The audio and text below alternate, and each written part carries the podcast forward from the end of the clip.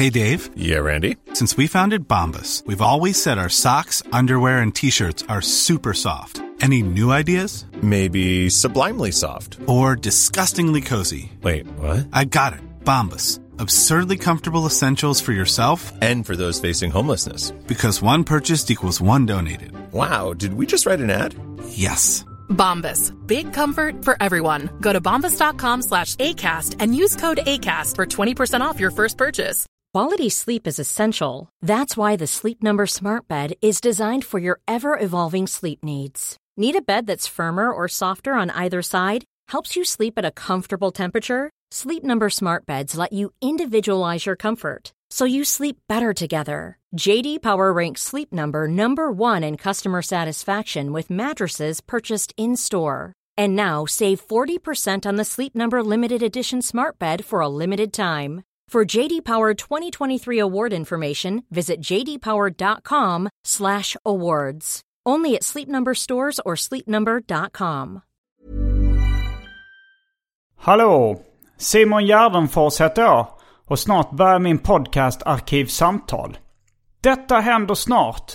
På måndag den 28 maj 2018 så uppträdde jag som komiker på den sista Greven komedi någonsin.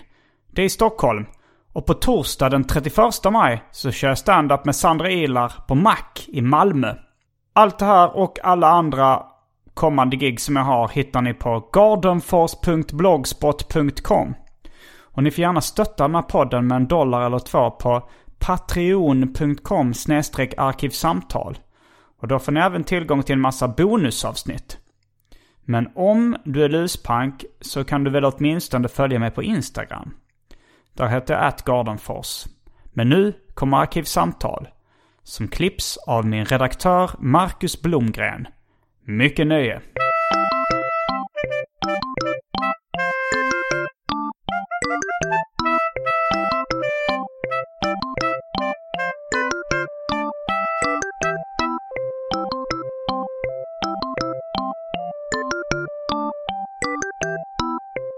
Hej och välkomna till Arkivsamtal. Jag heter Simon Gärdenfors och snett mitt emot mig sitter Martin Sonneby med fötterna på bordet. Ja, ger ett somrigt intryck. I ett mycket somrigt intryck i en uh, skjorta som är 50% linne, 50% bomull. 100% snut.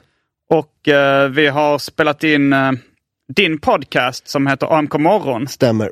I två timmar. Ja, Och nu så, så kör vi arkivsamtal. Varför, ja, varför in, inte? varför inte en tredje timme? Va, eh, vad fick dig att ta beslutet att uh, AMK morgon skulle vara två timmar istället för standardformatet en timme som är podcast? Det är för lite, det kommer fem, sex pers. Okej, och det är så mycket folk. Um, Ja, och så är det så här, det, alltså det känns, om man ändå ska samla fem, sex pers, varför, varför bara göra en timme? Liksom? Nej. Varför? Och när vi ändå är här, eh, alltså det, det gör inte så mycket om vi gör två timmar. Mm. Sen om de bara vill göra en timme, då kan, det, då, de kan ju gå också. Det kan man göra. Det, så att, eh, jag känner att här, vi, vi bjussar på lite extra. En extra timme för lyssnarna. Vi, ehm, för er som det, om ni lyssnar på Arkivsamtal för första gången och eh, bara oj, podcast, vad är det här för någonting? Jag klickar på någonting. Eh, Så är Martin Sonneby, han är komiker och eh, poddare. Ja, det stämmer. Mm. Det stämmer. Idag, Man måste ju ha ett extra, man måste göra något extra utöver stand-up, eller hur? Det går ju inte, det är väldigt få som är renodlat stand-up komiker va? ja, som att det, det här är det enda jag gör. det är ganska få ja. Ja. Men det är ju roligt att podda också. Jag, hade ju, alltså jag gjorde ju det långt innan jag eh, funderade på att börja tjäna pengar på det. Eller liksom innan det gick att tjäna pengar. Jag pratade med en kompis om det, han var sådär, vad är nästa grej? Vad är nästa, vad är nästa, om, om så här, för att podcast är ju, är så här, det var ju, när vi började var det ju en liten grej. Mm. Typ. Och så, och sen blev det stort och sen blev, det- började folk tjäna pengar på det och till och med leva på det. Mm. Eh, men, eh, så han frågade, vad är grejen nu som är liten men som kommer bli stor? Det är klart ingen vet det, men jag tänkte så här, det verkade som att han ville hoppa på en grej som kommer att bli stor. Twitch kanske. Möjligtvis, ja. Det är om man bara ska gissa. ja. Ja. Men, eh, men jag sa det, så här, alltså, tänker man så, då tror jag inte man kommer bli så bra. För du och jag hade gjort det här även om vi inte hade tjänat en spänn tror jag. Ja, jag tror oftast så är det då det blir bäst när man följer passionen Ja. Man, istället för eh, pengarna. för jag tror att jag, jag hade inte byggt en studio och gjort det varje dag, men jag hade haft en veckopodcast. Mm. Tveklöst, även om jag hade tjänat noll kronor på det. Ja, nej, men jag, jag, läste, jag har läst ganska mycket böcker om, eh, om humor och, och, och sånt där. Liksom. Och då var det, jag kommer ihåg, jag läste, det var någon som gav tipset så här. The best way of making money in comedy is don't worry about making money in comedy. Worry about being funny. Ja, Att det, det tror jag är ett ganska bra tips. Ja. Det, om man ska fokusera på kärnverksamheten. Ja, ja visst. Det, det är som med Bill Burr sa, så här, uh, någonting om women in comedy. Alltså, become undeniable. Ja, det är lättare sagt än gjort. Ja, men, eh, men det är så här, med, så här, sluta fokusera på det här med att så här, alltså, politiken runt det.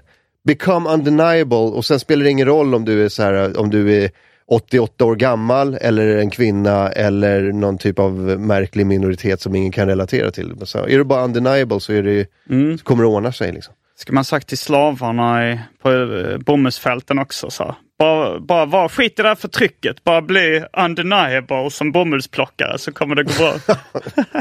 Ja, det, ja, det är en toppen parallell. det var ju så den, hörde du om den parallellen med Peter Ågren? Nej, jag Peter- vet inte ens vem Peter Ågren är. Han är nya Annika Ljung. Okej, ja polis. eh, Polisen polis. som Ja. sa, eh, eh, Annika Ljung sa ju, eh, säg att din morsa kommer in och ska opereras. Och så står läkaren där med en feting i handen. Kanske har dragit en lina. Ja. Skulle du vilja att den läkaren opererade på din mamma då? Oh, boom, vilket jävla Ja. argument. Vad var Ågrens argument? Peter Ågrens argument var att eh, de skulle ha någon debatt på Södra Teatern om klubbarrangörer och eh, droger på klubbar och eh, polisen och sånt där. Men de ställde in för att de kunde inte garantera Annika Ljungs säkerhet. Mhm. För det var någon, några som hade tänkt att demo, göra någon typ av demonstration när hon skulle komma. Mm. Och de tyckte att det var sånt enormt hot mot hennes person så att eh, så att de ställde in eh, debatten. Och sen sa han också, eh, vi kan inte debattera med folk som är för droger. Nej, det var, Alltså, ju, har- det var en rolig... Det är kanske ingen parallell, men det är ett intressant eh, sätt att, att se på uttrycket debatt. Ja, precis. Hur, hur fan ska man kunna debattera med folk som har en annan åsikt? Det, det, jag kan inte se. Och sen, sen var det, parallellen var då också så här att det var en kvinna på, på det här seminariet som var en brittisk forskare som hade berättat om att de hade sådana tester på klubbar i England där man kan testa sina droger. Mm. Så att man inte tar någonting farligt och dör. Mm. Och det har räddat många liv. Ehm, och då kunde man stoppa in den där, så bara, den här ecstasyn är, är farlig, giftig, den ska du inte ta. Och eh, de berättade om det då och så sa han att så här, det där är ju helt sjukt. Eh, det, det, alltså, det är som att ha eh, barnsex. Och så kommer du med ett barn till ett ställe som talar om för dig hur du ska ha sex med barnet på ett sätt som att den inte skadas. Det går ju inte. Man tänker, jag tänker så här, Södermalmspolisen har problem med liknelser. Ja, De det kan inte vara så liknelse- relevant. Nej. Okej, lik- ifall man ska testa barnet om det har aids eller inte, då är det lite närmare. Ja. Om det är farligt. Ja, just det. Eh, det var inte om det skulle vara skadligt för drogerna. Det är där jag väljer att kritisera hans liknelse. Ja, men precis. Det det, så Peter Ågren och, och Annika Ljung och de där, de måste gå på någon typ av liknelseutbildning tror jag. Mm. De kan inte hantera, eh, de vet inte vad de gör i den frågan. De kommer kanske inte bli årets kommunikatörer 2018. Eh, men vi är rätt bra på att snacka lös goja. Eh, jag tänkte vi nu Arkivsamtal har gått in i en liten ny fas. Där jag eh, har lite mer temaavsnitt. Det är, Ah. det, är inget, det är inget krav för avsnitt men eh, jag, jag har ändå känner att det är utveckling och förnying förnöjer. Mm. Så- Du sa förnying, Vad, vad heter det? förnyelse Förnyelse, ja det stämmer nog. och förnöjelse. Förnöjelse. Ja. Ah, förlåt, jag märker, okej, jag märker ord. Jag det går in här- i, i den Gärdenforska ordmärkeriet. Ja, visst, nej, men jag, jag hävdar att även man får märka ord även om man själv eh, säger fel ibland. Ja, absolut. Och det, ja.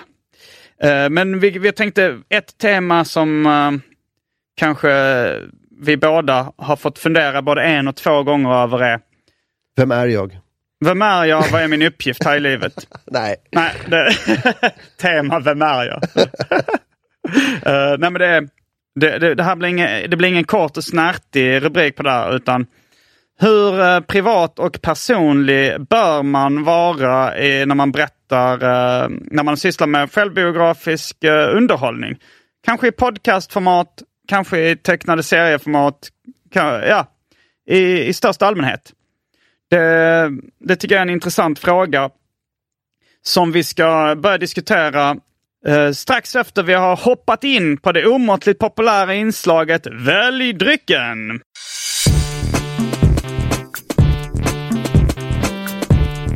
Jag tror vi börjar med det fasta inslaget Välj drycken.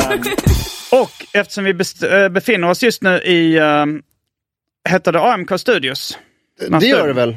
Det gör det. Jag säger att det gör det. Är Ja. det många studio? Är det, är det flera, flera än en? Det borde heta AMK Studio om det är bara är en studio. ja, men du vet, det- börjar med en studio va? Ja, ja, ja. Eh, men sen, man kan inte byta namn bara för att man skaffar två. Nej. Så skaffar jag en till, då är vi ju, då är vi, alltså Universal Studios Mm. tror jag började med en studio. Kanske. Kanske. Och det kanske inte började, det kanske inte var ett universellt begrepp från början. eller? Nej, precis. Jag tänker så. Alltså, det, jag har planer för det här bolaget va. Mm. Det är därför det heter AMK Studios. Det är som Atlantic Förlags AB. Just det. Fast i och för sig då är det Förlags AB, det är nog, det är nog med ägande. Eh, ja, nu, nu ska vi inte trassla in oss i dem. Min första och- enskilda eh, firma eh, hette Soneby Industries. Vilket jag tycker är, det är ännu fetare. Ja, det är coolt. Ja. Men eftersom vi befinner oss i AMK Studios så ehm, ser dryck-line-upen lite annorlunda ut. Vi har kaffe. Vi har eh, laktosfri eko mellanmjölk. Vi har en skvätt Coke Coca-Cola. Classic Coke. Vi har en Stallhagen IPA original. Det finns Oatly havremjölk. Det finns Battery Energy Drink. Och det finns en Zinfandel. Det är någon, något vin. Ja, det är en tetravinare. Mm. Vi borde kolla bäst före-datumet på den, för den Fast- kan ha stått i kylen Vad länge. säger man om kvinnor och vin? Att de blir bara bättre med åren Mm, om stämmer. de står i kylen. Eh, men alltså en tetravinare kanske inte uh, åldras på bästa sätt. Nej, det står eh, Vintage 214. Men vintage är en intressant eh, ett begrepp i sammanhanget. Ja. Det är en retroöl. Ja, vi får se i alla fall. Det här är skit jag grävde fram ur kylen. Ja, vad- normalt så brukar jag ha eh, jättehärliga grejer från Carlsberg. Får jag välja först eftersom jag är gäst i den här studion? Självklart. Då tar jag Stallhagen IPA Bra original. val säger jag. Mm. Det där är en riktigt bra öl. Ja. Då- Stallhagen har också en, eh, en honungsöl som är fantastisk. Mhm.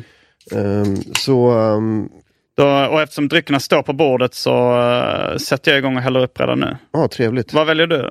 Jag tror att, alltså, Jag glömde förresten, för tråkmånsar och nejsäre, vatten borde det finnas också. ja exakt. Det, och det, det finns ju såklart. Mm. Ehm, alltså vin känns lite väl nu. Alltså en öl hade jag inte bangat. Nej, men ta hälften av den här. Kanske gör det också. Jag har ju redan druckit en battery. Mm. Och, eh, och mjölken är väl, eh, det är ingenting jag dricker sådär. Ja, men jag, tar, jag tar en Stallhagen IPA jag också. Mm. Fan vad gott. Skål! Skål. Mm, den var god. Inte dålig va? Nej, den var, den var tight. Ja. Ehm, mycket, mycket trevligt. Mm, nej, Vart var vi?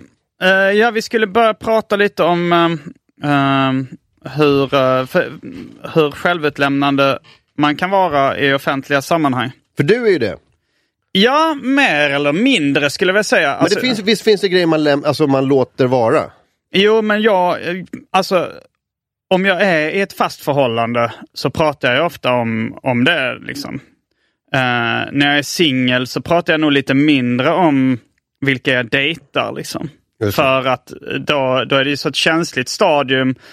Eh, man kanske inte bara dejtar en åt gången alltid heller.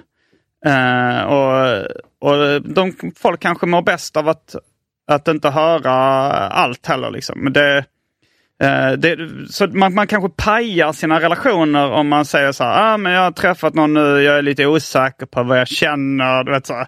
Det, det är sånt, det, sånt säger man inte till den personen, någon person man just har träffat. Nej. Och eh, det är kanske inte jättekul då, eller eh, speciellt, det är inte strategiskt Nej. bra att säga det i en podd heller. Nej, precis. Men, Eh. ja just det. Har man varit ihop ett tag då, är, Ja. då känns det rätt stabilt. Jo, det gör det. Då, då känns det stabilt. Och när förhållandet är över så kan man ju ofta prata om det också då. Då Just har man det. inget att förlora heller. Ja.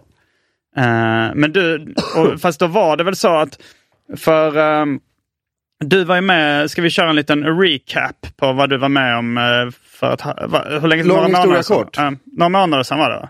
Äh, det var, jag vet exakt datumet för att det var eh, dagen efter Super Bowl som eh, var eh, 4 februari då, en söndag. Så det var måndag den 5 februari. Det var i vintras i alla fall. Ja, det var det. Eh, ska, jag- ska jag dra det snabba? Jag drar det snabba.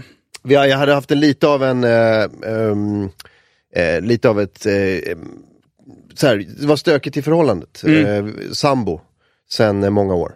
Ja, åtta år eller vad var det? Ah, ihop i åtta år. Um, Eh, sambo i fem. Okej. Och eh, då eh, runt mellandagarna där eh, så, eh, så, var det, så var det stökigt och då, då tänkte jag så här, jag, jag orkar inte mer här. Jag hade haft en jobbig höst. Så jag bodde hos en kompis och eh, höll mig inte hemma. Eh, Eh, och vi hördes eh, sporadiskt vad gällde hunden och sånt där, men inte, inte så mycket mer än så. Och sen eh, då efter Super, sen Super Bowl-fest här i studion med massa kompisar och mat och öl och grejer. Och sen på morgonen då så tänkte jag att ska jag hem och hämta lite kläder och fixa lite grejer. Och jag, klockan åtta kom jag dit för jag visste att hon skulle åka till jobbet kvart över sju. Och så var jag där och, och så kom jag in genom dörren och så var det en snubbe i lägenheten. eh, en, en riktig snubbe och jag bara, ja okej. Det- Och då hade jag varit uppe hela natten också. Men då hade jag varit uppe hela natten så jag var så jävla, jävla jag var så jävla trött. Så jag gjorde ingenting åt det och han sa typ Men du, du blev inte chockad då eller var det? Jo, jag blev nog chockad men jag var så in i helvete trött. Då hade jag ju inte sovit på kanske 24 timmar. Ja. Du vet hur man är då, man är så här, alltså allting går bara, man är tre sekunder efter det kurvan hela tiden. Så att jag bara... Jag men det var inte så att det började liksom... det var för jag tycker ibland när man är med om någon chock så börjar man få en sån overklighetskänsla. Ja. Att rummet nästan blir lite snurrigt eller lite blurrigt liksom. Lite vågigt. Ja, nej jag, jag blev mer så att, jag, att allting bara var så, det var bara tomt. Um, Det var bara så, eh, jaha, uh, jävlar, ja, ja, okej. Du vet, man var så, det var nästan lite så här rycka på axlarna åt det osannolika. um, Den, den vibben. Och sen var jag så extremt, eh, extremt trött och så blev jag så här, åh, du vet, man suckar ungefär. mm, Eh, och, eh, och sen smsade jag henne och så var- sa typ så här, jag, jag kom hem, så var det, det är en snubbe här. Mm. Och så fick jag svar ganska fort. Oj oj oj, Eh, ja jävlar. Jag antog att det var slut.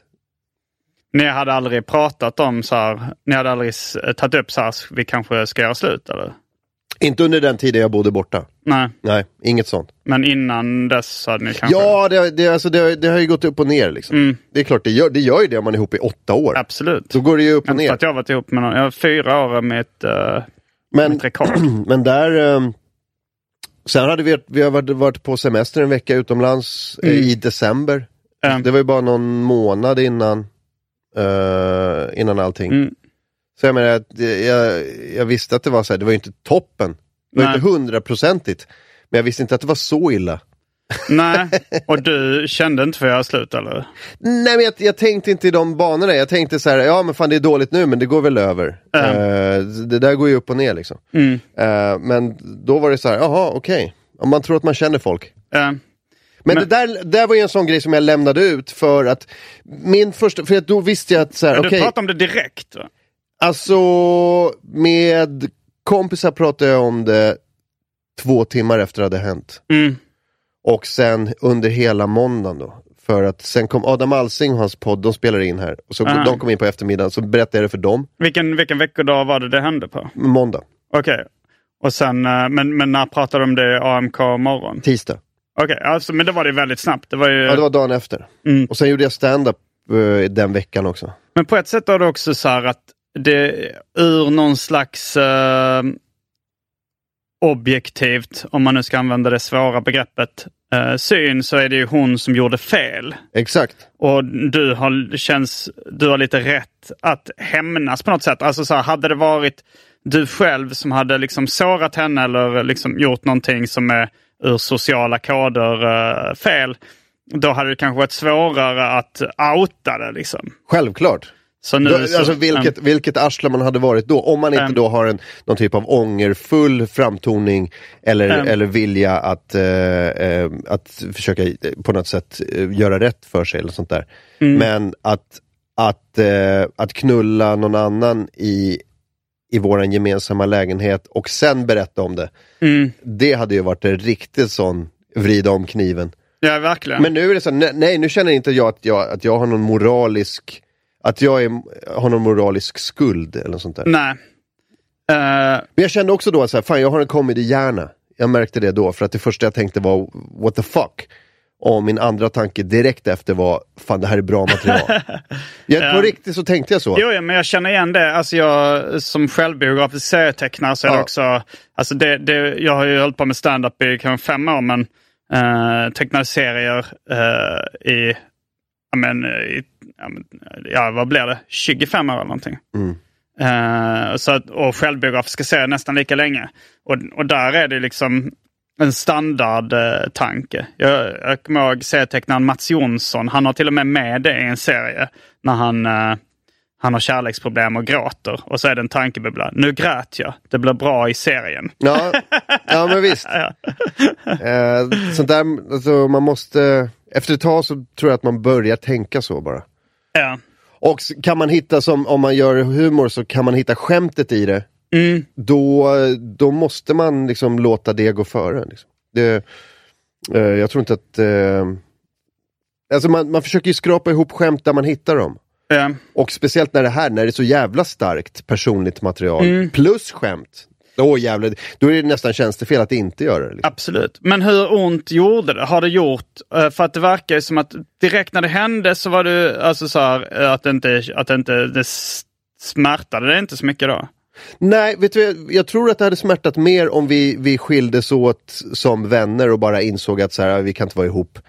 Eh, det, det har gått eh, för långt. Och så här. Men för då hade det varit så här, fan, du vet man hade tänkt tillbaka eh, på så här, och tänkt att det kanske kunde ha gått att lappa ihop eller någonting. Men nu, det, jag tror att det är två saker. Dels var det så, ett sånt clean cut rakt av. Ja. Det var så här, jaha du knullar en snubbe i min säng. Eh, då känns det inte som att jag, förlo- alltså jag förlorade ju någonting men, jag, men, men det var ju inte en bra människa jag förlorade. Fattar du? Mm. Eh, det, var ju, det här var ju någon som var beredd att knulla en annan snubbe i min säng. Eh, Eh, när jag fortfarande liksom bodde där. Och Då, Jo, ja. då, är, då är det så här, då- det var ingen större förlust för mig. Förstår du? Om, om, det, är en, om det är en kompis som... jo, som men jag tror ändå det gör ju ändå, jag, alltså hade Någonstans- jag varit med om det så hade det ändå, det hade smärtat mig Ja, inombords. men jag tror också kombinationen av att jag tog upp det så himla fort efteråt Mm. och bearbetade, kanske, jag kanske bearbetade 10-12 gånger den veckan direkt efter. Mm. Och det jag har lärt mig om posttraumatisk stress, för jag var, jag var ju lite i militären och sånt där när jag var Mm. ung.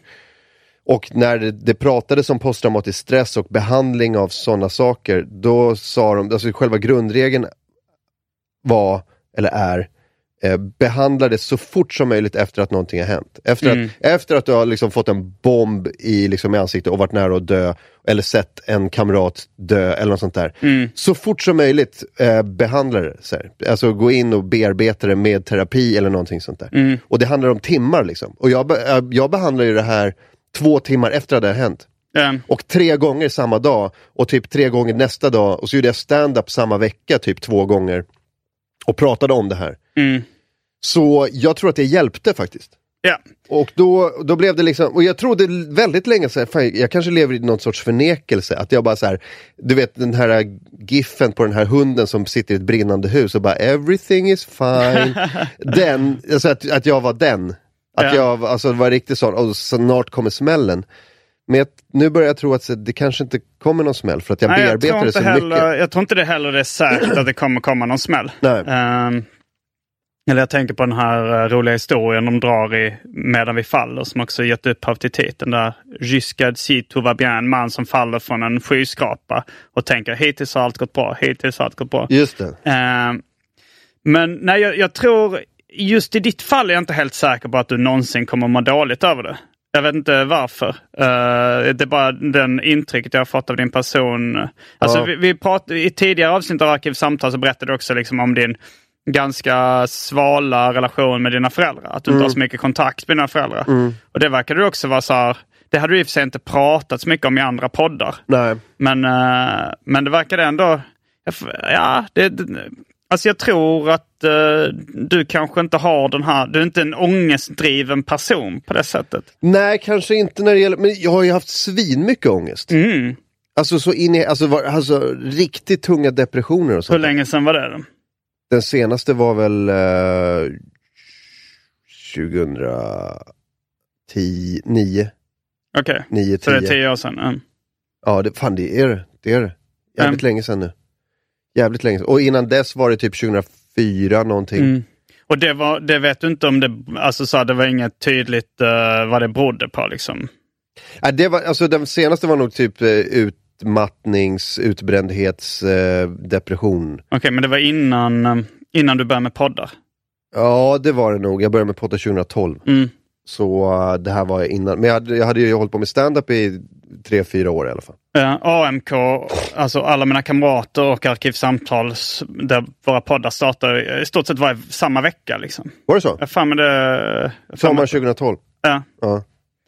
Eh, men, eh, men du, alltså det var utmattnings... Ja, det var, eh, det var nog relaterat till det och det var väldigt mycket, så här, väldigt mycket press. Jag hamnade i situationer jag inte riktigt kunde hantera och så blev det jobbigt. Mm, men hade blev- du en tv-karriär då? En stand-up-karriär? Eller var Ja, det... det var en stand-up-karriär och så var det väldigt mycket tv-jobb och så gjorde jag väldigt mycket, alltså jag gjorde mycket, och du vet, man är i den här perioden när alla får den som får lite hit, när de får så ex extremt mycket förfrågningar och så kan man inte tacka nej. För man tror att det, det är det sista jobbet man kanske får och om jag tackar nej så kommer ingen fråga igen. Så man tackar ja till allt tills man är helt överväldigad av arbete och press. Som tur var har jag aldrig hamnat där. Ja, men det är bra. Det är bra att inte hamna där. Det är jättedåligt. Men man ska inte få det, alltså väldigt många som är, dum, alltså, eh, är nya och dumma, de hamnar i den att de så här, tackar ja till allt. Ja, det var väl så här Björn Gustafsson den yngre. Ja, det var ju en extrem version av det jag Ja. hade. Eh, för, men han hade ju ex, alltså, fruktansvärda, eh, fru- fruktansvärd press på sig. Mm, och hamna i en rätt jobbig depression tror jag. Nej men så, ehm, så, eh, så det, var, det var det, men så innan dess hade jag en sån, jag tänkte för mycket och funderade för mycket och hade så, här superångest. Ja, Så hade jag varit det i det läget- eller ägget. Liksom. Det är så här, det kanske är att man tänker och funderar för mycket för att man mår dåligt snarare Mm. än att man blir deprimerad för att man tänker och funderar för mycket. Exakt. Eh, men apropå posttraumatisk stress så kan det också komma mycket senare. Det var när jag gick i gymnasiet så dog uh, Palme. Uh, nej, det var tidigare. nej, men min, uh, min närmaste kompis då dog i hjärnhinneinflammation. Mhm. Och um, då var det så också att jag blev ju inte, mådde inte dåligt till en början. Sen var det kanske ett halvår, ett år senare, då det bara smällde till. Liksom. Ja. Jag fick en uh, djup, djup depression och självmordstankar. Liksom, Men kunde du koppla det till, Då kop- alltså jag är fortfarande inte helt hundra på att det på grund av, var på grund av det. Det var väl, alltså om man ska, är på hobbypsykolognivå så, så gissar jag på att det hade med det att göra. Men jag menar, det, det är jättemånga som, som blev deprimerade utan att ha någon tydlig förklaring också.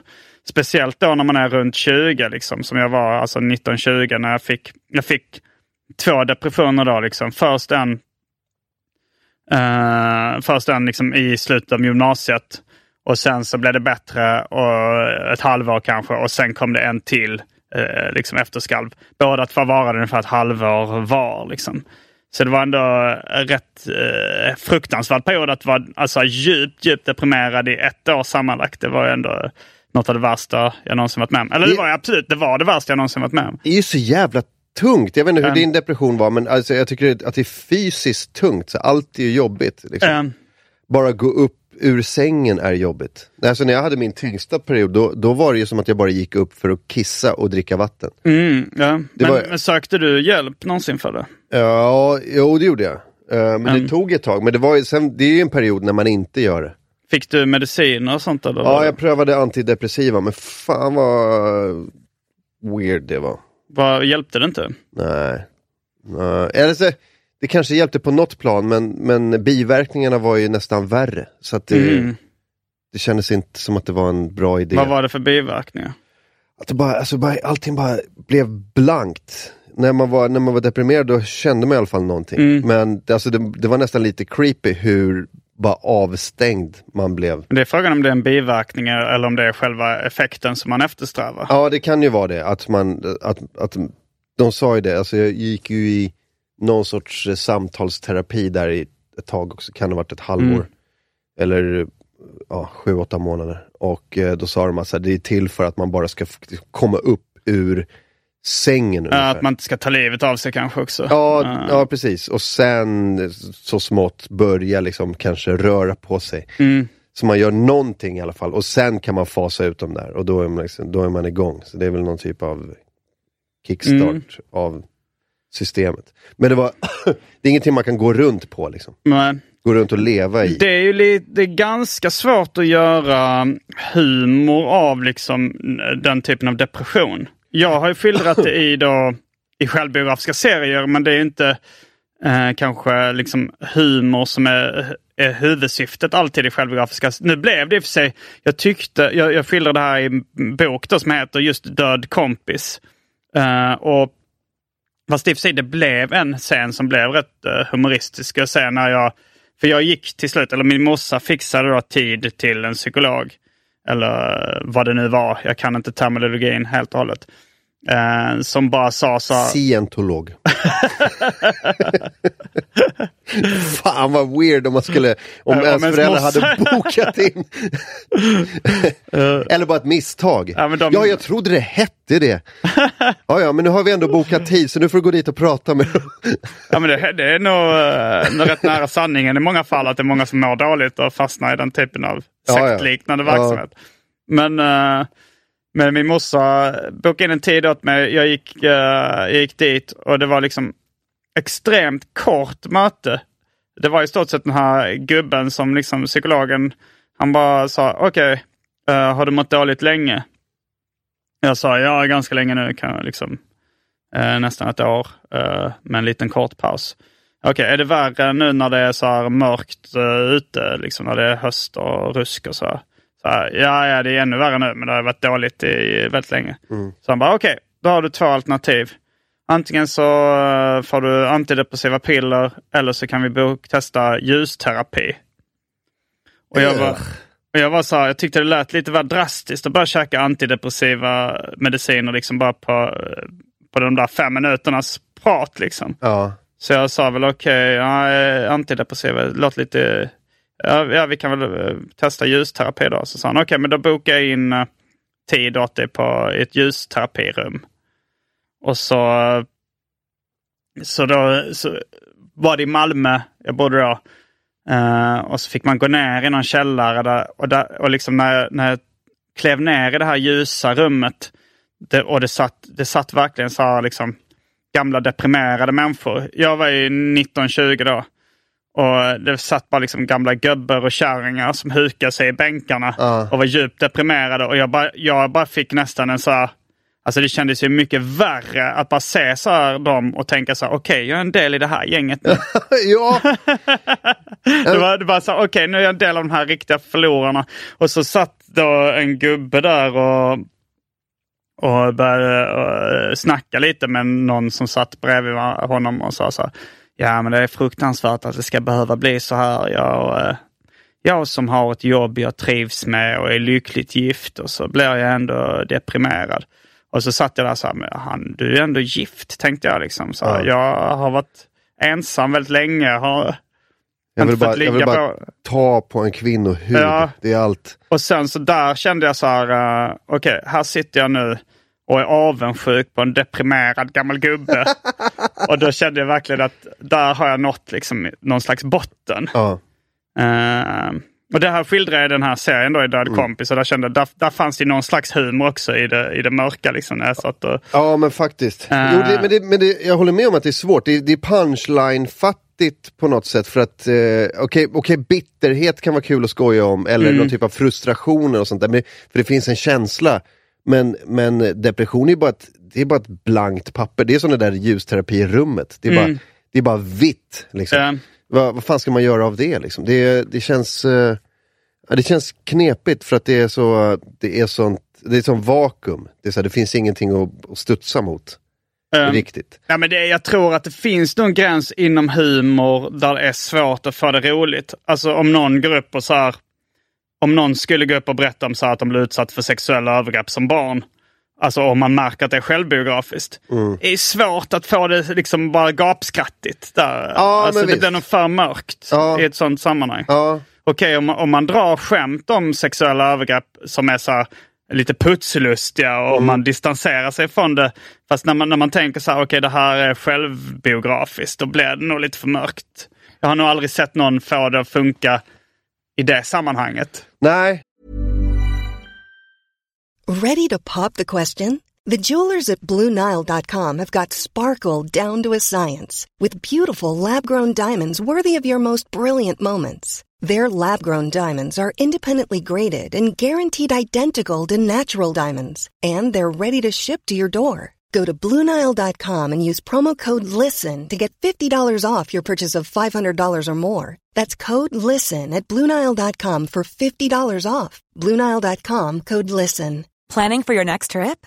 Elevate your travel style with Quince. Quince has all the jet setting essentials you'll want for your next getaway, like European linen, premium luggage options, buttery soft Italian leather bags, and so much more. And is all priced at 50 to 80% less than similar brands. Plus, Quince only works with factories that use safe and ethical manufacturing practices. Pack your bags with high-quality essentials you'll be wearing for vacations to come with Quince. Go to quince.com slash pack for free shipping and 365-day returns. Quality sleep is essential. That's why the Sleep Number Smart Bed is designed for your ever evolving sleep needs. Need a bed that's firmer or softer on either side? Helps you sleep at a comfortable temperature? Sleep Number Smart Beds let you individualize your comfort so you sleep better together. JD Power ranks Sleep Number number 1 in customer satisfaction with mattresses purchased in-store. And now save 40% on the Sleep Number limited edition Smart Bed for a limited time. For JD Power 2023 award information, visit jdpower.com/awards. Only at Sleep Number stores or sleepnumber.com. Det märkte ju jag också när jag berättade den här storyn om eh, när jag sprang på snubben i, i, ehm, i, i mitt eget vardagsrum. Ehm, Eh, det var ju när, för att jag, jag berättade om det och det- jag fick det inte riktigt att snurra sådär ehm, i början. Och då pratade jag med Jörgen Lötgård som är ehm, känd från radio. känd från radio och sin egen podcast Via Lascaris X2000. Och då, då sa jag så här, alltså jag berättade om det på scen men, men det var som att alla bara tyckte att det var läsk, alltså tyckte det var jobbigt. Det, Mm. var, det var jobbigt att höra för att jag gick bara upp och, så bara, och berättade rakt vad som hade hänt. Eh, och han sa så här, jag, jag tror att du måste säga att du är okej med det. Mm, mm. För att eh, om du inte gör det så kommer det vara som att du typ bara öppnar dig som en terapeut i samtal och då känner de, det, de känner sig otrygga med att skratta åt det. Liksom. Mm. Och då, då började jag med det, liksom, att det var så här, jag vill bara säga att jag, är- jag är okej, allting Mm. är lugnt, men en knasig grej hände. och, då, och då kan man skratta liksom. Ehm, Mm. Jag har men, sett dig för det funkar. Absolut, Mm. det, det eh, absolut funkar det liksom. Men det funkar under förutsättningen att, att, man, är, att man själv är cool. Och det tror Ja. jag är själva grejen, man kan inte skoja om sin depression eller sin någon typ av traumatiskt när man är mitt i det. Nej. Jag tror att humorn kommer när man har varit i det, gått förbi det och tittar tillbaka på det. Ja, Då, då kan det bli skoj liksom. och det är aldrig skoj. var- det är inte kul för någon eh, när folk tycker synd om en. Nej. Eh, jag, jag har märkt det, alltså att det, det har blivit någon slags trend att folk på stand-up, i stand-up-publik säger så här, no. Har du, har du tänkt på det? Alltså att publiken... Ja, någon i publiken säger no. Ah, Att, men det är någon slags härskarteknik folk har börjat Ja, med. just det. eh, som är rätt irriterande. Det, jag, har ju inte- jag har upplevt det själv men jag har även sett det när andra kör stand-up. Okej. Men, eh, Lite som en, som en minihäckling eller? Ja, det är ju någon slags häckling. Alltså, men även i privata sammanhang när folk gör det så är det ju en ganska eh, ondskefull härskarteknik tycker jag. Man Ja. visar att man tycker synd om någon och därför liksom bara sänker den personen Ja, rätt men visst. rejält. Eh, Bill Burr berättade att han var på Irland och gjorde stand-up och fick de grejerna sarkastiskt mot sig också. Mm. Så det var någon så här, uh, han, bara sa någonting. Så, uh, so I'm, uh, I'm fucking 47 years old and uh, någonting. Alltså det var, det var något lite självdepraverande. Eh, Och så fick han det, Åh. Fast det var lite kul. Alltså det, alltså det var ju så, det var en humoristisk, det var ju lite av en, så här, en, en, en, en glad häckling, så sarkastisk, åh. hur reagerar han på det? Eh, nej, han tyckte det var roligt. Han bara så här, det, det är det mest irländska han någonsin hört. Liksom. att, det, att de gör så. Men, men det är ju en uh, taskig grej. Alltså det är så här, det är ju, om, om man ska jämföra det. eh, det, det är ingen som gör så mot någon de tycker synd om på riktigt. Du går inte fram till en ramsk tiggare och så här. Åh! Fy fan! Det är ju en härskarteknik. Ja, verkligen. Åh, tjena, jag heter Lasse, jag är 39 år gammal, har varit bostadslös i sex år. Åh, Ja. verkligen. Åh. Nej, jävlar. Nej, det är sant. Har du någon gång ehm, liksom berättat någonting, alltså lämnat ut dig själv och i efterhand uh, ångrat det? Att du har pratat för mycket om det? Jag tror fan inte det. Nej. Jag tror inte det. Inte när det gäller mig själv. Jag väl, det ska väl vara någon gång när jag har sagt någonting om, om någon som någon närstående kanske. Som jag säger, ah, det där. Men det, ska, det är väl någon annan människa som kanske inte har makten över, Ja. över alltså mina, eh, mina, vad jag säger liksom. Ja. Eh, så, ehm, så jag, nej, alltså allting jag har sagt känns väl som, som att det, så här, nej, men det är väl okej tror jag. Speciellt eftersom man, man bara, man gör ju, alltså vi gör ju det här av en anledning. Alltså, alltså vi gör stand-up av en anledning. ja. Och, då, och när man väl, alltså det känns ju bra. Att, att det man lämnar ut, det man väljer att lämna ut är ju av, det är på något sätt, man har på något sätt godkänt det som en, sin egen redaktör. Alltså det här är okej att lämna ut. Jo. Jo, jo, jag skulle nog hålla med om att de gånger jag har haft tveksamheter är det när jag har lämnat ut andra. Ja, Och, eh, men, eh, och det är folk som har blivit arga på mig. Kanske specie, speciellt när jag gjorde boken Simons 120 dagar. eh, där jag då liksom bodde, reste runt i Sverige och bodde hos folk. Och det var mycket så sex och droger och, ja, och liknande. Då var det några som blev eh, väldigt arga och besvikna. Eh, då hade jag ändå bytt ut lite namn och sånt. Men folk tyckte att okej, det här går att lista ut i bekantskapskretsen Mm. vem det är. Mm. Eh, och ja, det frågan är om jag där kände ånger. Det, sanningen är nog att jag inte gjorde det.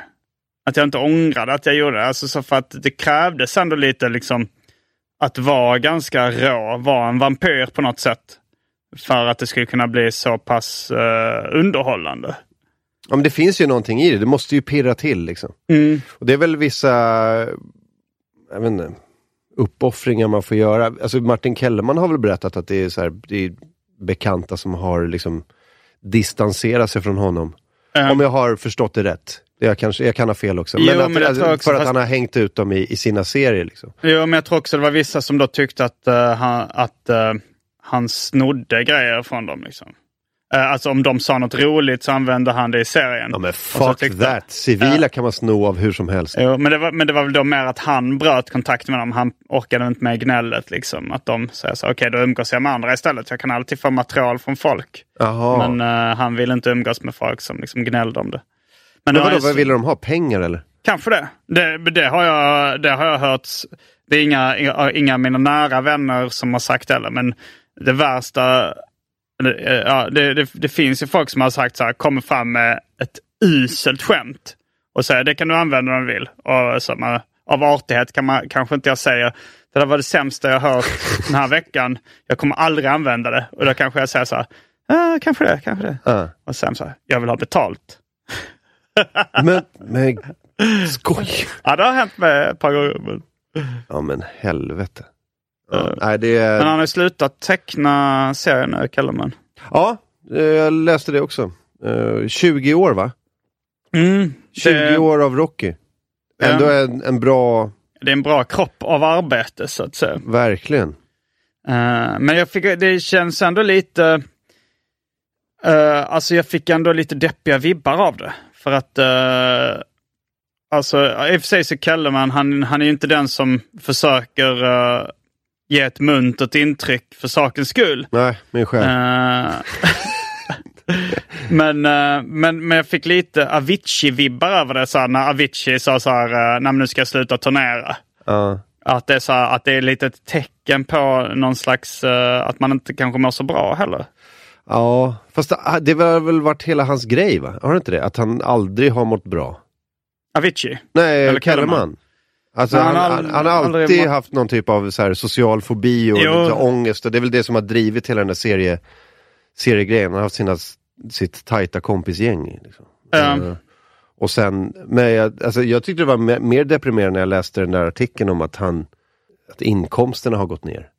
För han, Ja, han ja. pikade ju med massa sy- syndikerade serier i hela Europa och så var det Mm. serieböcker och så var det, det var sånt, alltså så Rocky hade sånt jävla snurr ett tag. Jo, så är det Men man Men- måste ju alltid, alltså alla framgångsrika måste ju pika vid någon punkt. Det kan Mm. inte vara så att du fram, alltså om du inte, om du inte då eh, går med i klubb 27 Ja. så, så blir det ju ofta så att eh, om du lever fram till 80 så är det ganska, hade det varit konstigt om dina inkomster och ditt kändisskap och din sexuella attraktionsförmåga bara uff, liksom ökade, ökade, ökade fram tills när du ligger på dödsbädden. Nej, liksom. man kan också ligga på en väldigt stabil nivå under väldigt lång tid. Så här. Men, men Ja. det, var ju, det var ju ett tag där när det var så här, okej nu, alltså det var som att Stockholm var liksom ett Rocky samhälle. Alltså det var ju Rocky överallt. Jo, verkligen. I, I serieböckerna och DN och så var det på Stadsteatern och så var det liksom, det var, eh, jag vet inte, merchandise, han hade en egen serietidning. Mm. Det var så här, det var verkligen, vilket jävla brand liksom. Och så, och så har det bara liksom, nu har det gått ner och så är, jag vet inte, han tjänar säkert bra fortfarande men, men kanske Mm. inte i närheten av den där riktiga storhetsperioden. Den kändes jobbig liksom. Jag vet inte, jag har lite skräck för det också, att få hit och sen bara liksom när, när saker dör. Ja. Jag har väl lite förlikat mig med den tanken. Jag, Mm. Fast som, som komiker kan jag se en, eh, en viss romantik i det. Mm. Att vara den här gamla grånade gubben som åker runt på pizzerior och drar sina slappa vitsar. Liksom. Ja men absolut, och det är det jag tänker också. Så här, det är ju... eh, ehm, ja, men eh, jag tänker mer så här, det är okej att vara ljummen väldigt länge. Mm. Och som komiker så är man inte lika beroende, alltså en musiker är mer beroende av hits och Mm. uppmärksamhet och, och hetta liksom än vad man är. Som komiker kan man mer puttra på ett Exakt. Eh, jag gillar tag. det. Ja, jag gillar också det. Det var, det var faktiskt delvis därför jag började med stand-up. För att... eh, Den långa karriären. Den ja. långa ljumma karriären. Nej, men eh, det var väl lite att jag hade börjat som, uh, som serietecknare var ju rätt liksom stillsamt eh, eh, stugsittande jobb. Eh, men sen så när jag började med, med rap och började stå på scenen så kände jag den känslan var lite beroendeframkallande. Den direkta uppmärksamheten man får från en publik. Men, eh, men jag började liksom, jag var, började liksom, när, efter jag var 30 så var det så här, okej nu, hur länge kommer jag kunna hålla på med det här liksom som popartist på scenen? Mm. Eh, och så började jag med stand-up när jag var 35. För att, och det var, det var en pusselbit i hela det beslutet var ju att det, jag, då kan jag stanna kvar på scenen tills jag blir lastgammal.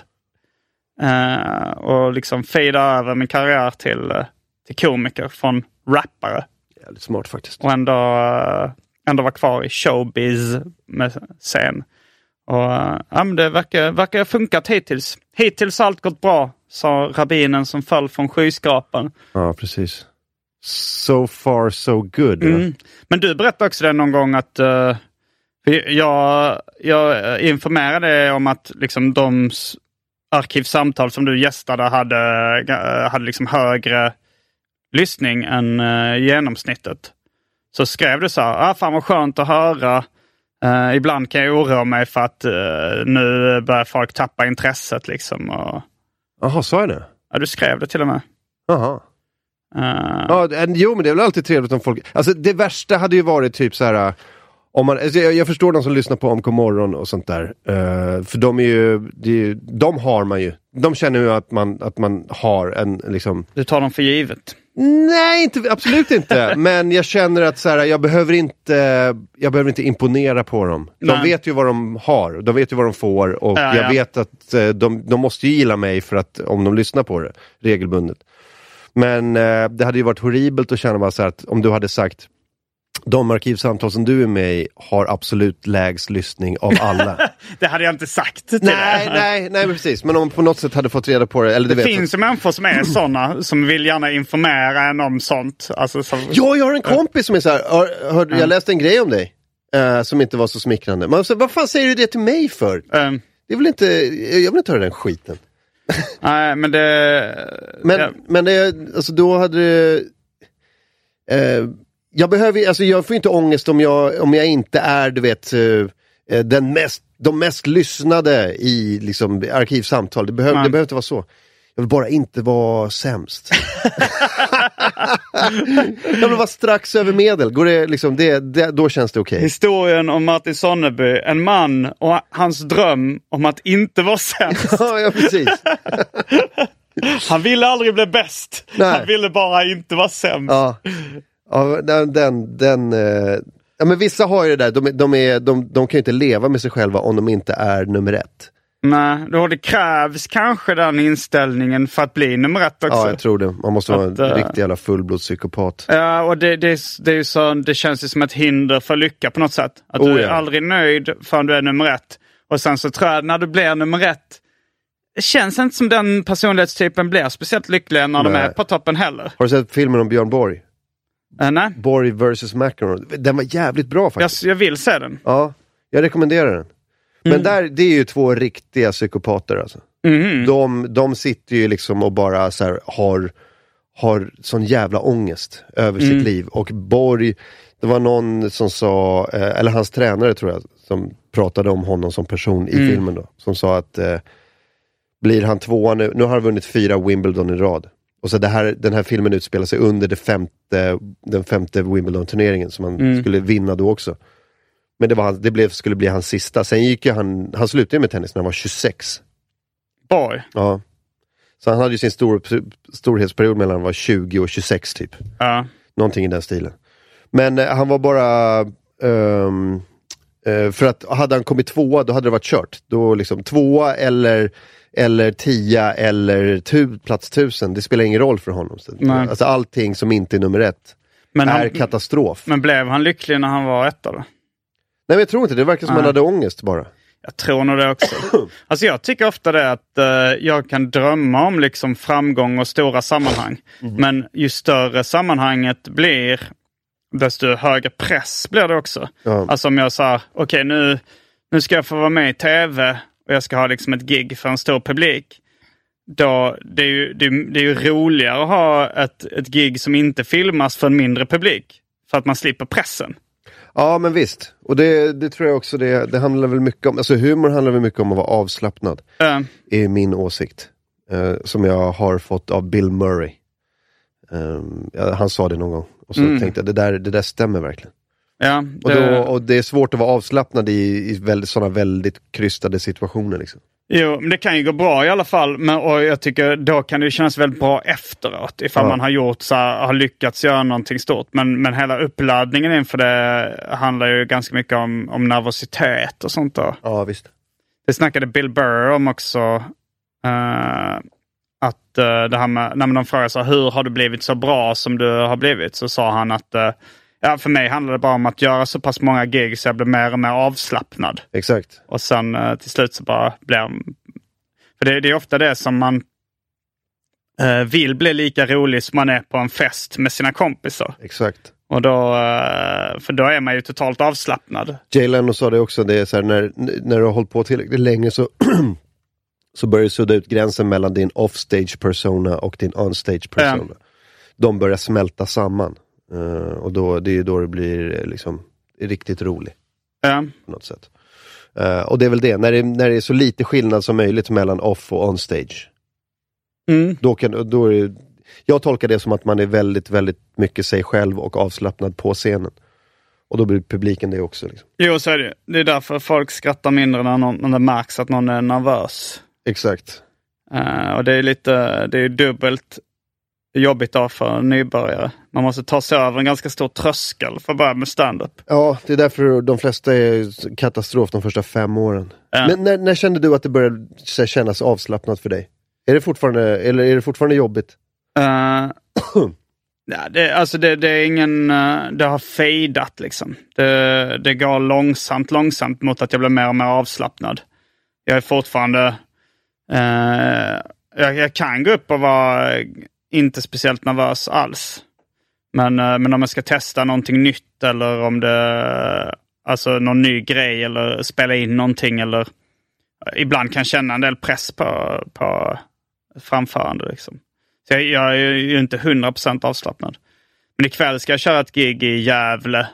Och jag har inte förberett någonting utan jag, jag har börjat med en ny grej där jag liksom går upp och pratar med publiken. Kanske de får ställa frågor. Jag kanske börjar prata med någon och så liksom låter jag det snacket glida in på rutiner. Ehm, För att sudda ut gränsen mellan... eh, man ger lite illusionen av, eh, av att det bara är spontant snack. exakt, ja. Eh, och det har jag börjat med på sista tiden och det, det, när, när, det har funkat väldigt bra. Men, men då har jag också, när jag liksom har gjort den övergången att inte gå upp med ett förberett sätt. Då har jag ändå känt mig lite nervös innan. För att man känner, oh shit, tänk det här skulle kunna gå åt helvete. Jag skulle kunna få en blackout och jag skulle kunna liksom bara, ah, nu har ingen skrattat på jättelänge. Eh, men jag snackade med min, min pappa. Vi har lite liknande livsstil, att vi reser runt mycket och han håller liksom föreläsningar och uh, seminarium och sånt där. Och jag, men han sa, vi pratade om att, för att min vanligaste återkommande mardröm, det är att eh, missa flygplan. Det drömmer jag liksom var och varannan natt. Så är det så här stressdrömmar om att, eh, att jag ska hinna med ett flyg och att min väska är någon annanstans och att jag har glömt den på en buss och nu måste jag åka dit. Och han, han sa ja, att han drömmer samma sak. Fast han sa även att, eh, att han drömde det och eh, att han ställde sig på och skulle hålla en föreläsning och var helt oförberedd. Liksom. ja. Och det, det kommer jag den typen av mardrömmar hade jag innan jag väl ställde mig på scenen som ståuppkomiker. Ja, för jag hade bestämt mig för att börja med stand-up. Men jag hade liksom inte tagit tjuren vid hornet, hornen ännu, utan jag liksom hade, hade skjutit upp det. Men då kom jag ihåg att jag hade återkommande mardrömmar om att jag bara gick upp på scenen och hade tänkt, ah, men fan jag improviserar lite och så går det åt helvete. Men när jag väl började med stand-up så försvann de mardrömmarna. Men han hade fortfarande sådana eh, om att han skulle liksom tala offentligt och att allting gick åt helvete. Men det bet- betyder nog att han fortfarande är mer nervös för att göra det. Ja. Eh, Att jag har nog kommit till en punkt där jag inte är speciellt tyck... Alltså jag är inte nervös för att det ska gå åt helvete. Jag förlitar mig ändå på att jag kan improvisera om jag skulle glömma materialet. Och... Ja, och jag, jag lärde mig ganska, eller det tog väl fem år i alla fall. Mm. Att, eh, att inse att, men vadå, inget, ingenting händer ju. När det går åt helvete. Ja, nej men alltså, eller när det blir tyst. Eller när... Ja, precis, om ingen skrattar, du vet, hela den där. Och vad Ja. händer om ingen skrattar? Ingenting. Ingenting. Det vill säga, vad, vad, kan hända liksom? Ja. Konsekvenserna är ju minimala. Alltså du, du har ju fortfarande ett, ett gig imorgon. Liksom. Jo, så det, just det är det ju. Alltså, Du får ju alltid en ny chans. ja. Eh, och sen, men jag förstår Men i kanske i bör- början får man kanske inte en ny chans. Nej, och det är ju det som mm. gör det så, alltså det, konsekvenserna av ett misslyckande är ju så mycket större om man skulle vara ny och, och det skulle gå dåligt. Man vill Mm. att det ska gå bra varje gång för att de ska säga, åh fan vad bra det var, vill du komma tillbaka?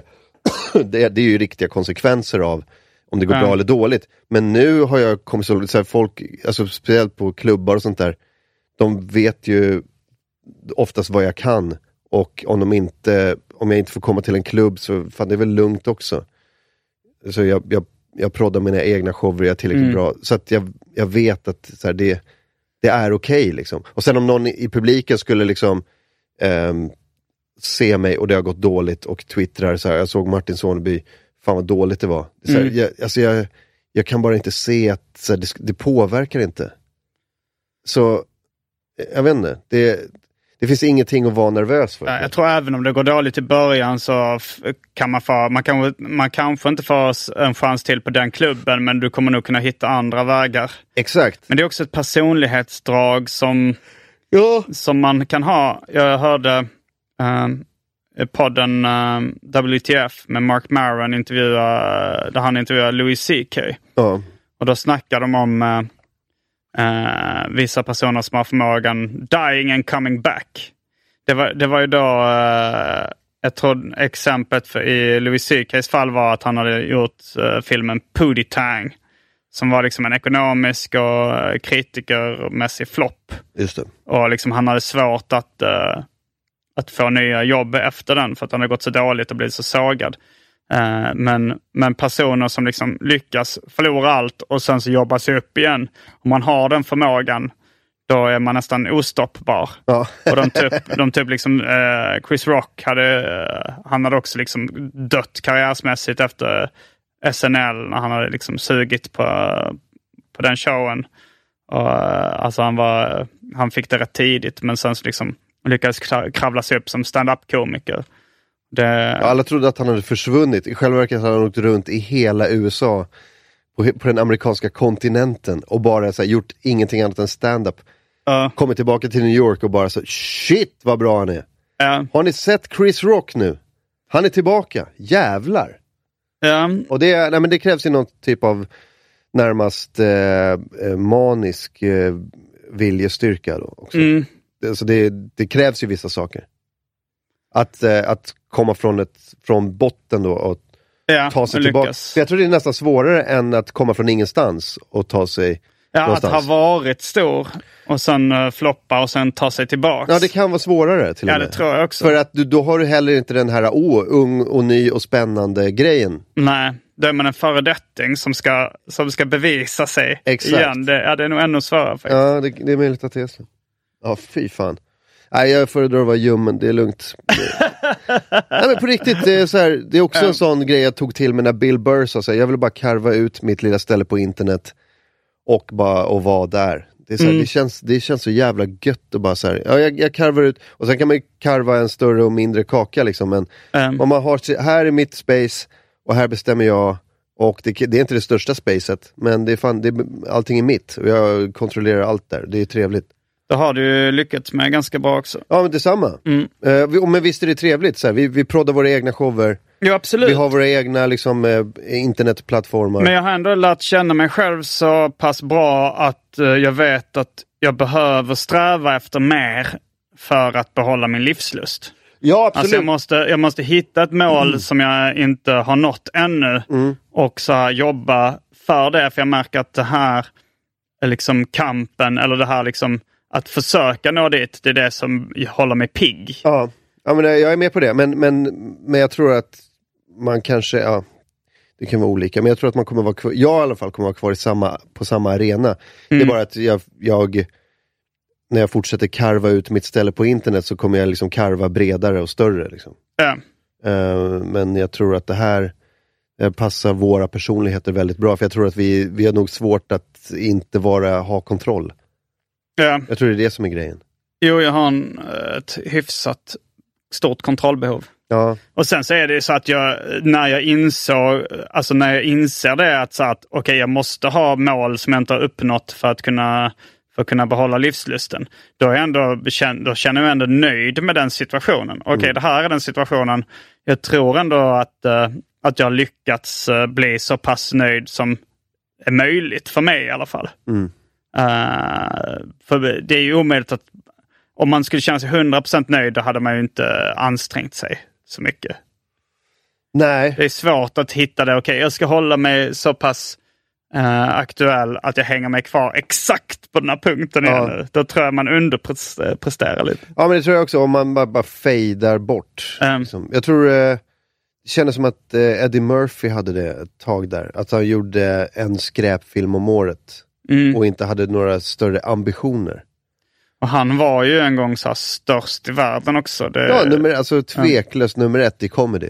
eh, Alltså gjorde sådana, kunde göra vilken film han ville. kanske nummer ett inom underhållning eh, Ja, under den kanske. perioden också. Ja. Det var Ja, då hade vi för sig sådana som Michael, Michael, Jackson, Jackson. var nog kanske ännu större. Ja. Och Madonna och Prince. Ja. Eh, ja, han tävlade med många där, men inom comedy och Ja, den, då var det den tveklöst. alltså, gjorde alla de filmerna på 80-talet och sånt där. Det var ju, Mm. vilken jävla streak han hade av filmer. Liksom. Och sen hände någonting som bara gjorde att, så här, ja, men, du vet, bli gammal och trött ungefär. Jag undrar vad som hände. För jag har själv inte sett det, men det var någon som berättade om att han höll något tal på Saturday Night Live nyligen på SNL. Och det var inte roligt alls. Att Nej. det var frågan om hans ens försökt vara rolig eller om han höll ett så seriöst tal. Och, Ja men det var ett, det möjligt att det var Saturday Night Lives 25-årsjubileum mm, eller? det kanske var det. Någonting i den stilen. Men det var nog Anton som berättade om det, att publiken verkligen satt som på nålar och väntade på ah, nu kommer det något kul, nu kommer Ja. det något kul. Han... Men så kom det aldrig något speciellt kul. Och när det var något som liksom påminde om något lite roligt så skrattade folk jättemycket för de ville så gärna att han skulle vara Nej men han var ungefär lika rolig som Ingvar Kamprad när han liksom, alltså du vet berättar om så här. Jaha, här är, nu har vi byggt ett nytt, vi byggde ett nytt varuhus här och jag minns, du vet när han blickar tillbaka. Eh, Lite så var det. Ja, här, här minns jag att jag var som ung. Och, och scenen var här och så var det så. Och det var, ja, det var, det var väldigt trevligt att vara tillbaka. han kan väl köra med någon slags dubbelironi. Att, eh, nej, jag tror inte det. Det är nog Nej. att han bara har tappat det. Ja, men det tror jag också. Fan vad tragiskt alltså. Bara tappa det helt Ja. plötsligt. Ja, är du rädd för det också? Att tappa... Ja. Mm, jag vet inte, jag, jag, ifall jag tappade så hade jag nog trott att det var tillfälligt. Mm. Alltså så om jag eh, kom- kommit in i en depression igen Ja, så hade jag nog tro- För nu, första gången jag var i en depression, det var den värsta gången. För då tänkte jag, det här kanske aldrig går över. just det. Sen kom jag ur min depression och sen så andra gången jag var i en depression, då kände jag Ja, jag, jag kom i alla fall ur den förra gången. Det kanske finns en... Det kommer jag förmodligen göra den här gången också. Så jag hade inte varit lika rädd. Jag tror, alltså, hade jag, hade jag bara känt, vaknat upp en dag och inte känt mig rolig längre, då hade jag nog tänkt att det går över. Sen, eh, sen är det ju tragiskt om det går 15 år det har inte... man är fortfarande tråkig. Ja, jag har haft en, eh, inte nu på ett tag, men jag har haft en känsla som bara, tänk, tänk om jag inte är rolig längre. Tänk om, jag, Mm. om jag inte har någonting att erbjuda. Fy fan! Nej, men det, är som att, Ja, det, är det som, låter alltså, det är hemskt. väl som att vara en, en professionell idrottare och sen förlora ett ben. Liksom. Eh, Bara, helvete, det är, jag, är, jag är körd. Liksom. Jo, jag hade den känslan när jag började med stand-up. Eh, för då var det så att Alla hade den. Eh, nej, men jag, ha- jag tyckte jag var själv var rolig och sen gick jag upp och bombade och så tänkte jag okej, det kanske, jag kanske inte är rolig. Det kanske bara jag som fått för mig det. Det kanske bara jag och mina närmaste. Och då, var, jag- då var jag, blev, mådde jag ju jättedålig psykiskt. Var det inte någon på Big Ben som, var- hörde jag inte dig och Anton prata om någon på Big Ben? Som, Ja. Eller det var någonting med så här, jag ska i alla fall bli roligare än den där snubben. Eller var det, någonting, var det inte något sånt? Ja, kan det vara ett så? Det var... Nej men det var, jo men det var, jag, jag gick till Big Ben och, och alltså jag kollade på Big Ben eh, stand-up gratis liksom ganska långt innan jag började med stand-up. Innan jag hade planer på det. Och så var det någon som, eh, någon komiker där som jag tyckte verkligen sög. Och så tänkte jag så här, men jag, alltså hur dålig jag än är så kommer det inte vara sämre än den komikern. Mm. Och sen så gick jag upp och, och den komikern eh, rev. Eller så här, fick jättemycket skratt. Och jag fick inget skratt alls. Det var ju extremt knäckande. Ja, just det. Ja, fy fan. Så uh, Men titta på dig nu. Oj, nu går det helt okej. Säljer biljetter och grejer. Toppen. Mm. Ja, Och eh, med de orden så avslutar vi veckans avsnitt av Arkivsamtal. Jag heter Simon Gärdenfors. jag heter Martin Soneby. Fullbordat samtal.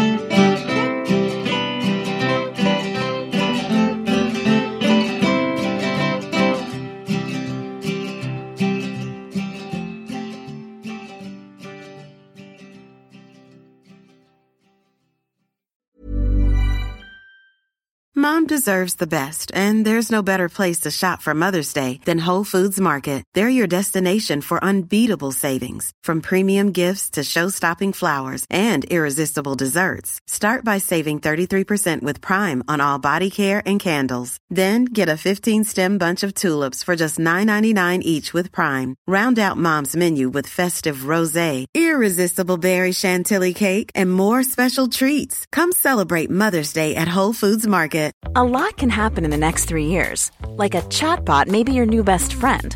But what won't change? Needing health insurance. United Healthcare Tri Term Medical Plans are available for these changing times. Underwritten by Golden Rule Insurance Company, they offer budget friendly, flexible coverage for people who are in between jobs or missed open enrollment. The plans last nearly three years in some states, with access to a nationwide network of doctors and hospitals. So, for whatever tomorrow brings, United Healthcare Tri Term Medical Plans may be for you. Learn more at uh1.com.